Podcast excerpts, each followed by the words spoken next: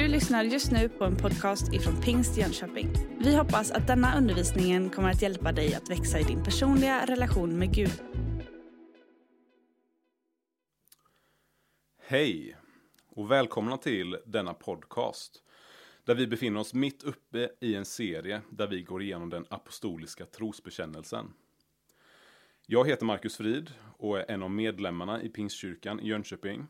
Och jag har den stora förmånen att få reflektera lite tillsammans med er kring denna tredje del av trosbekännelsen som vi går igenom idag. Jag tycker vi gör som så att vi läser trosbekännelsen från början till slut innan vi stannar upp och fokuserar in på just det stycke som vi ska gå igenom idag tillsammans. Så jag läser. Vi tror på Gud Fader allsmäktig, himmelens och jordens skapare.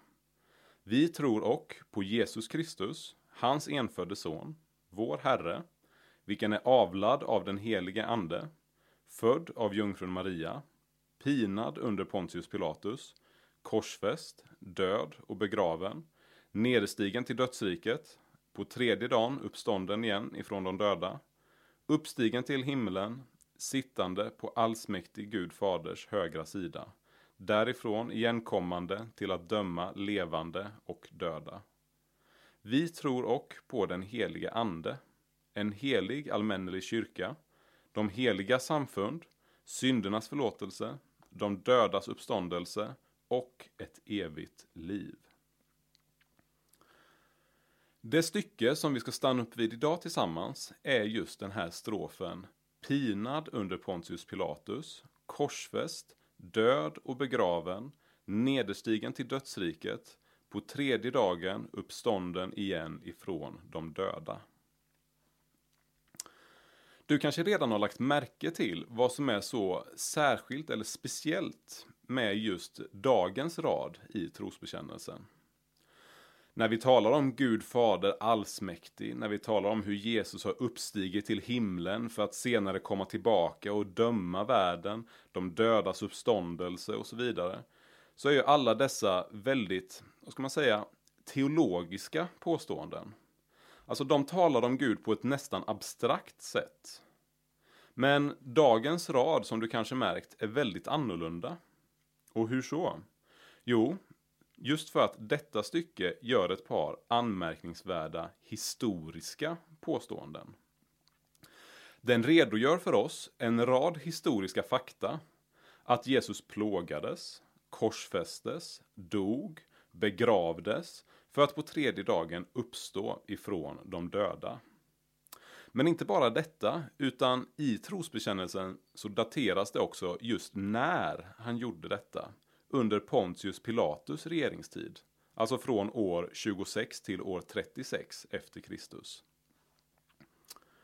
Så, vänner, det vi idag ska försöka förstå än mer tillsammans, det är just hur kristen tro, så som vi bekänner den enligt denna trosbekännelse, det är hur kristen tro i allra högsta grad är en historiskt grundad sanning. För faktum är att evangeliet, de kristna glädjenyheterna, evangeliet är inte bara goda nyheter, utan evangeliet är goda nyheter om den historiska sanningen. Att Jesus Kristus föddes som människa, levde, plågades, dödades och sedan genom Guds kraft kroppsligen uppstod på tredje dagen. Och detta är inte abstrakt teologi eller någon slags teoretisk religionsfilosofi, utan detta som vi bekänner, detta är ett historiskt faktum. Men innan vi ska börja nysta ut och se att Jesu liv, död och uppståndelse är ett historiskt faktum, så behöver vi bara vara på det klara lite med hur och varför vi ställer oss denna frågan. Kanske är du som mig, kanske är du som jag och delar en del karaktärsdrag med aposteln Thomas. Kanske är du också en slags faktasökande grubblare med kontrollbehov som vill ha så mycket som möjligt på det klara innan du vågar lita på om något är sant eller inte. Kanske är du också ivrig efter att se vad historievetenskapsmännens senaste fynd har att säga angående om Jesus faktiskt gjorde det som Matteus, Markus, Lukas och Johannes säger att han gjorde. Oavsett om du känner igen dig i denna beskrivning, som blir någon slags bekännelse från min del, oavsett om du känner igen dig i detta eller inte, så vill jag bara först ställa en fråga till dig att fundera på. Varför är frågan om kristendomens historiska trovärdighet viktig för dig? Om det nu är det. Jag vill då bara säga att jag tror att detta är en viktig fråga för oss att ställa oss. Men jag skulle ändå bara vilja kasta in vad jag tror är en viktig grund att förbereda oss med innan vi tar oss an denna fråga med att fundera på kristendomens historiska trovärdighet. Om man, som jag tidigare själv haft lätt att göra, om man tänker att ja men Bibeln, den är bara trovärdig så länge historievetenskapen säger så.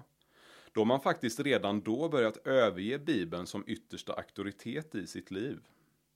Alltså, när vi som kristna säger att Bibeln och Bibeln endast ska vara vår högsta auktoritet.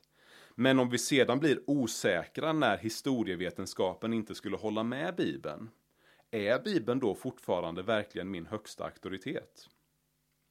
Alltså, om vi säger så här. Om jag säger att jag kan lita helt och hållet på vad Katrin säger mig men om jag gör detta bara på grund av att Magnus först har sagt att jag kan lita på Katrin. Litar jag då egentligen på Katrin överhuvudtaget?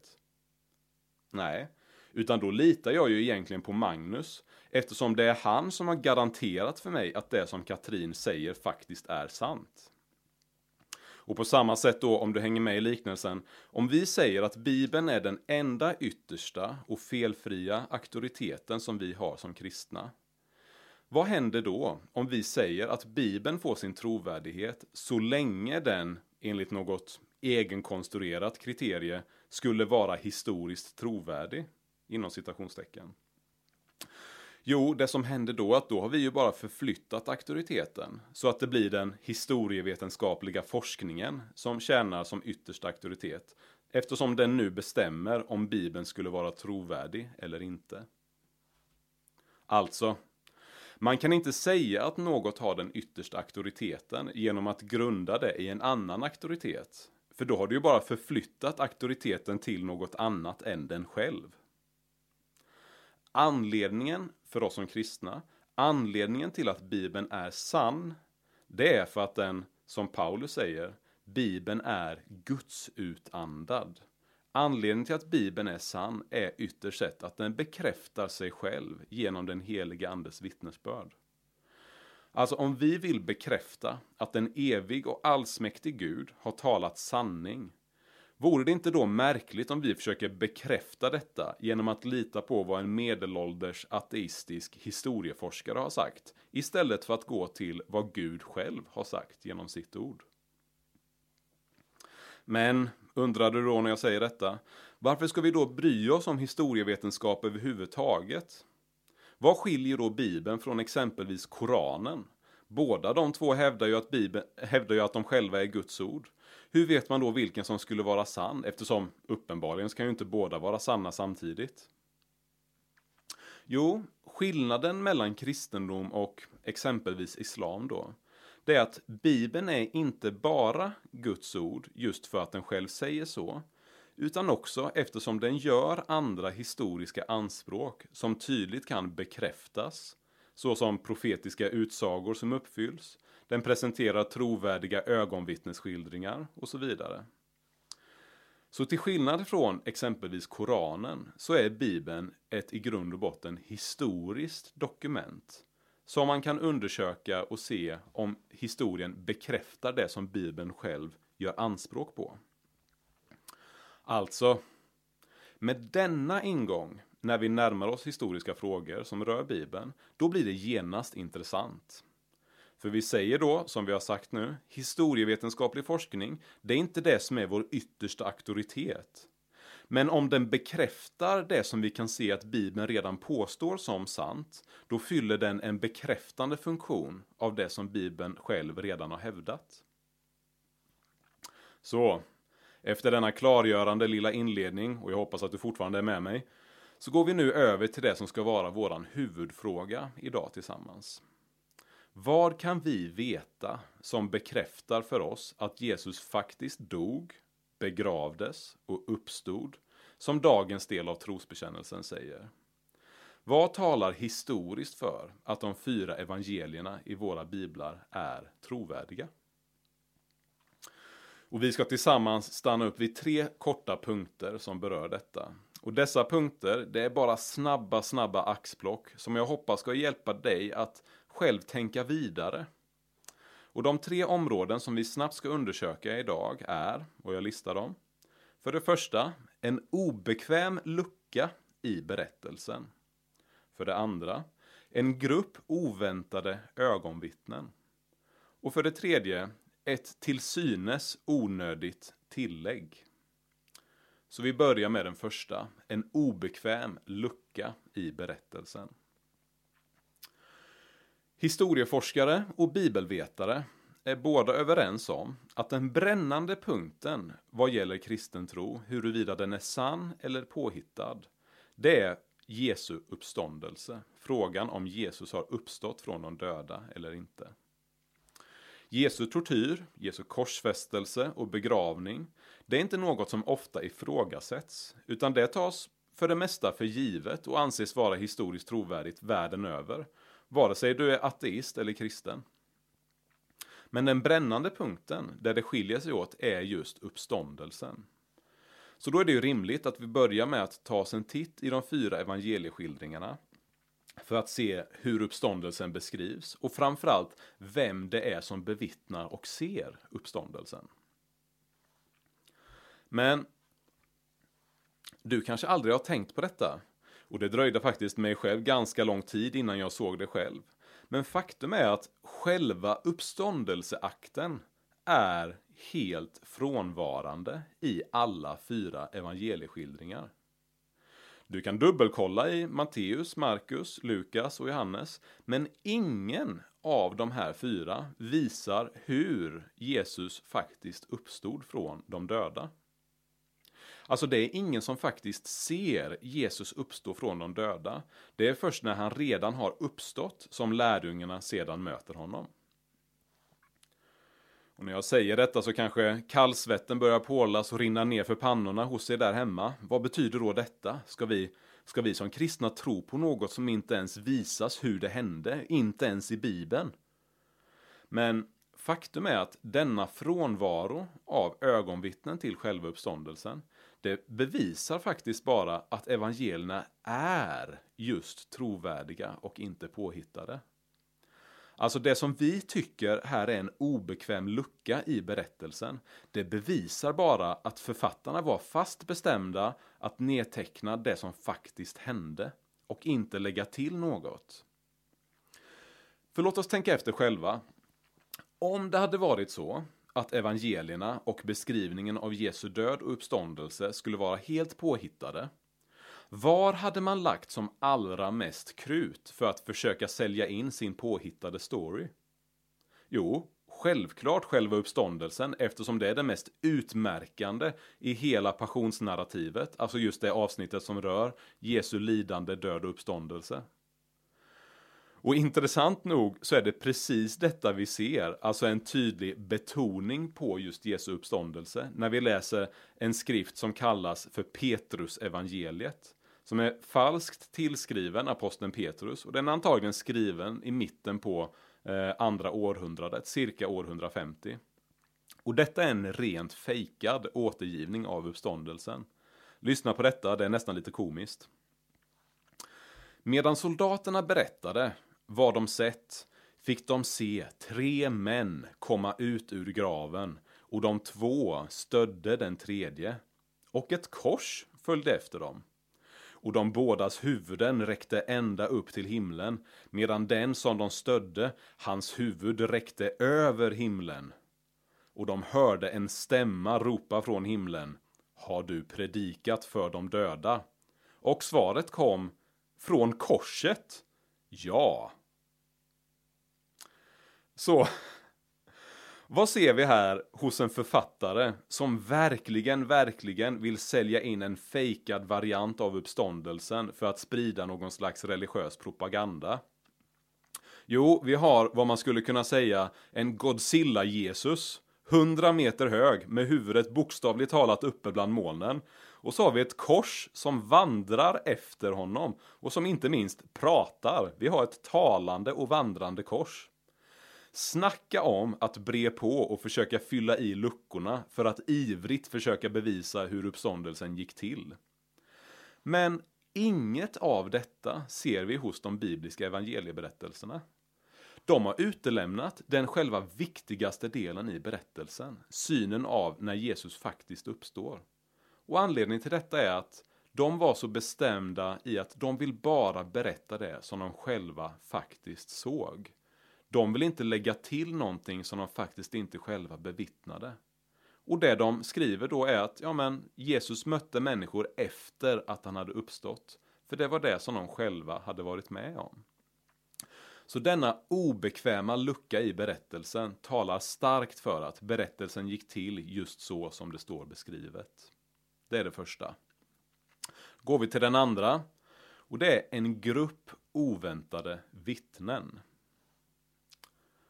När vi läser alla fyra evangelier noggrant så märker vi att det finns en grupp med människor som har följt Jesus ända från hans korsfästelse och död till begravning och slutligen är de första att möta honom som uppstånden från de döda. Och de är faktiskt också de första som berättar för andra om den uppståndne Kristus. Vet ni vilka denna grupp människor var? Det var kvinnorna. Kvinnorna och när vi läser eller hör om detta nu idag så sitter vi väl och ja, rycker på axlarna utan att bli särskilt påverkade av detta. När vi egentligen borde gapa av förvåning om vi visste hur kontroversiellt och oväntat detta var för de första läsarna av evangelierna. Varför var det då så förvånande att kvinnor skulle vara de första att möta den uppståndne Jesus? Jo, vi behöver förstå att kvinnor i denna tid och kvinnor i denna kultur, de fick inte ens vittna i domstolar. Om man säkert ville säga att någonting faktiskt hade hänt, så som en kvinna påstod det, då var man tvungen att ha en man som betygade att kvinnan inte ljög.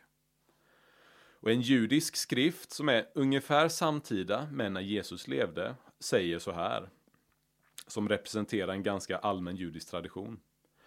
Jag vill hellre låta lagens ord, alltså delar av Gamla Testamentet, jag vill hellre låta lagens ord brännas än läggas i en kvinnas händer. Välsignad den vars barn är av manskön, men ve den vars barn är av kvinnokön. Alltså, om man som en grupp kristna skulle nedteckna en fejkad berättelse om hur ens mästare uppstod från de döda, då vore det i den kulturen totalt vansinne att man skulle låta de första vittnena till detta vara kvinnor. Det skulle bara göra berättelsen mer svårsåld om man endast ville skaffa lätta anhängare till sin rörelse. För folk skulle snarare ställa sig på tvären om man fick veta att de första som mötte den uppståndne Jesus var kvinnor. Så det tveklöst mest naturliga hade varit att det var män, och endast män, som mötte Jesus först som uppstånden. Men hur väljer Gud då att sprida nyheten om Jesu uppståndelse, världshistoriens mest avgörande och största nyhet? Jo, den, kul den kulturellt förtryckta och åsidosatta kvinnan ges en röst till att vara den första att få bevittna från början till slut det som är världshistoriens största händelse någonsin. Vi kan tycka att vi i Sverige har varit snabba med att fixa kvinnlig rösträtt när vi gjorde det 1921. Men Gud visade nästan 2000 år innan, långt dessförinnan, att kvinnan är av samma värde som mannen och har minsann värdighet och rättighet att bli lyssnad till. Så detta bevisar för oss två saker faktiskt. För det första så bevisar ju det att Bibeln är inte kulturellt irrelevant oavsett vad människor vill ha att säga. den köpte inte in sig på en orättvis och förtryckande behandling av kvinnan, som dåtidens kultur var djupt präglad av. Kvinnan får en röst till att vara bärare av världens mäktigaste budskap. Det är det första. För det andra så visar detta också att evangelierna är inte fejkade eller fabricerade. För det var pinsamt i den tidens ögon att världshistoriens största händelse först skulle registreras av kvinnor. Den enda rimliga anledningen till att det står omnämnt att det är kvinnorna som var de första att möta den uppståndne Jesus, det är att de verkligen mötte den uppståndne Jesus. Det är den enda rimliga anledningen när vi har all fakta på bordet.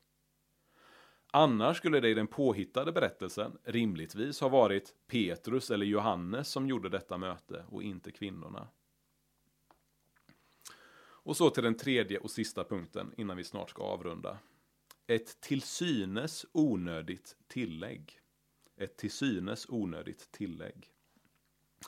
I evangelieberättelserna så finns det flera små intressanta guldkorn som vi kan stanna upp vid som talar oerhört mycket för dess historiska trovärdighet.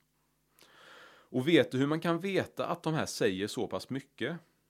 Jo, det är just för att det är information som ofta är helt oviktig för själva berättelsen, hur lustigt det än kan låta. Vi ska bara ta ett enda exempel här för att visa vad jag menar. I Markus, i Markus evangeliet kapitel 15 och vers 21 så står det beskrivet om hur Jesus bär sitt kors på väg mot Golgata för att bli avrättad. Och då står det så här, Markus 15 och 21. De hejdade en man som just kom in från landet, Simon från Kyrene, far till Alexander och Rufus. Honom tvingade de att bära Jesu kors.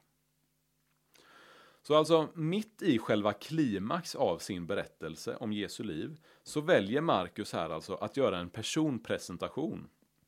Inte bara av mannen som bär korset utan också av hans två söner. Och frågan är ju då, varför väljer Markus att inkludera de två sönernas namn när motsvarande texter i Matteus och i Lukas har med berättelsen om att någon bar korset men han utelämnar helt sönernas namn? Så varför nämner Markus en person och hans två söner vid namn i ett kort, kort parentesavsnitt i sin berättelse? När det finns andra betydligt mer centrala och viktiga figurer i Marcus evangeliet som förblir helt anonyma. Jo, vi vet ju att Markus, som skrev Marcus evangeliet, han var verksam som tolk för Petrus när han reste runt. Och Markus skrev ner sin evangelieskildring utifrån det vittnesbörd som Petrus har gett. Och vi vet också att Petrus var en av de första församlingsledarna i den kristna församlingen i Rom. Så troligtvis kan vi säga att Mark Markusevangeliet skrevs ner i församlingen, kring församlingen i Rom. Och det var antagligen den första av de fyra evangelieberättelserna att nedtecknas. Vid ungefär samma tid som Markus skriver, kanske någon gång på 50-talet eller början av 60-talet, så skrev också aposteln Paulus ett brev till församlingen i Rom. Och Väldigt intressant nog. Vem ser vi bland annat att Paulus hälsar till i Romarbrevet kapitel 16? Jo, Paulus i Romarbrevet hälsar i kapitel 16 och vers 13 just till en person som heter Rufus. Kommer ni ihåg? En av Simons söner hette just Rufus. Som alltså fanns med i samma församling som Markus när han skrev sin evangelieberättelse. Så, när vi har de här två fakta tillsammans här, vad, vad är det då Markus försöker säga när han skriver detta? Jo, Markus vet att församlingen som han skriver till mycket väl känner till Rufus.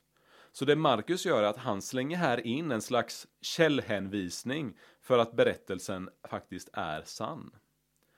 Så genom sin lilla parenteskommentar då han skriver om Simon som var far till Alexander och Rufus så säger Markus någonting sånt här. Fråga Alexander och Rufus om det verkligen är sant så som jag skriver här. För de kan intyga, för det var deras pappa som hjälpte Jesus att bära korset till Golgata. Så det är lite häftigt. Markus skriver sitt evangelium med en tydlig källförteckning eller källhänvisning om du så vill. För att de första som läste det skulle kunna fråga Alexander och Rufus om det verkligen var så här som det gick till. Och de skulle kunna betyga och svara instämmande ja, det var det. Så detta lilla till synes oviktiga tillägg bekräftar just alltså sanningshalten i själva evangelieberättelsen. Vänner, vi skulle kunna prata så mycket mer om detta och vi ska alldeles strax avrunda. Vi har inte ens börjat prata om hur så gott som alla Jesu lärjungar var benhårt säkra in till döden på att Jesus hade uppstått. Hur de valde att gå till döden för sin övertygelse. Och som någon har sagt, jag litar som mest på vittnen som är halshuggna. Alltså med andra ord, jag litar som mest på de ögonvittnen som är redo att gå till döden för sin övertygelse. För de ger inte till något pris vika för det som de är övertygade om är sant. Vi har inte ens börjat prata om hur alla textfynd till Nya Testamentet väger ojämförbart mycket tyngre än alla andra antika textbevis som vi använder för att utvärdera om något skulle anses vara historiskt trovärdigt. Vi har inte ens börjat prata om hur arkeologiska fynd mer och mer, ju mer tiden går, har bevisat att de platser som beskrivs i Nya Testamentet faktiskt låg till just så som det står, även om man tidigare eh, i historien har tvivlat på just detta. Det vi har tagit upp här idag, det är bara ett magert axplock av alla de guldkorn av bevis som vi gemensamt, som gemensamt pekar åt en och samma riktning.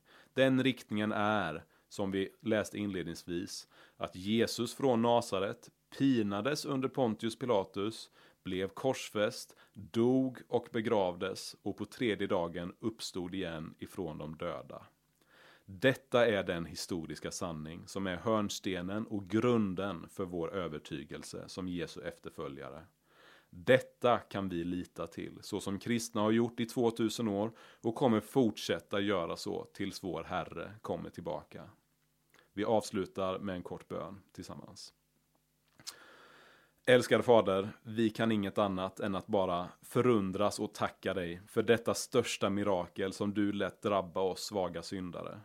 Du sände din son för att träda in i världshistorien, för att bli människa och i så stor kärlek bära straffet för all den synd som vi stod skyldiga för. Genom Jesu död har vi fått liv och genom hans uppståndelse kommer vi få leva för evigt. All ära till dig, nu och för alltid. Amen. Gud välsigne dig. Du har just lyssnat på en podcast ifrån Pingst Jönköping. För att få reda på mer om vilka vi är och vad som händer i vår kyrka så kan du gå in på pingstjonkoping.se eller följa oss på sociala medier via pingstjkpg.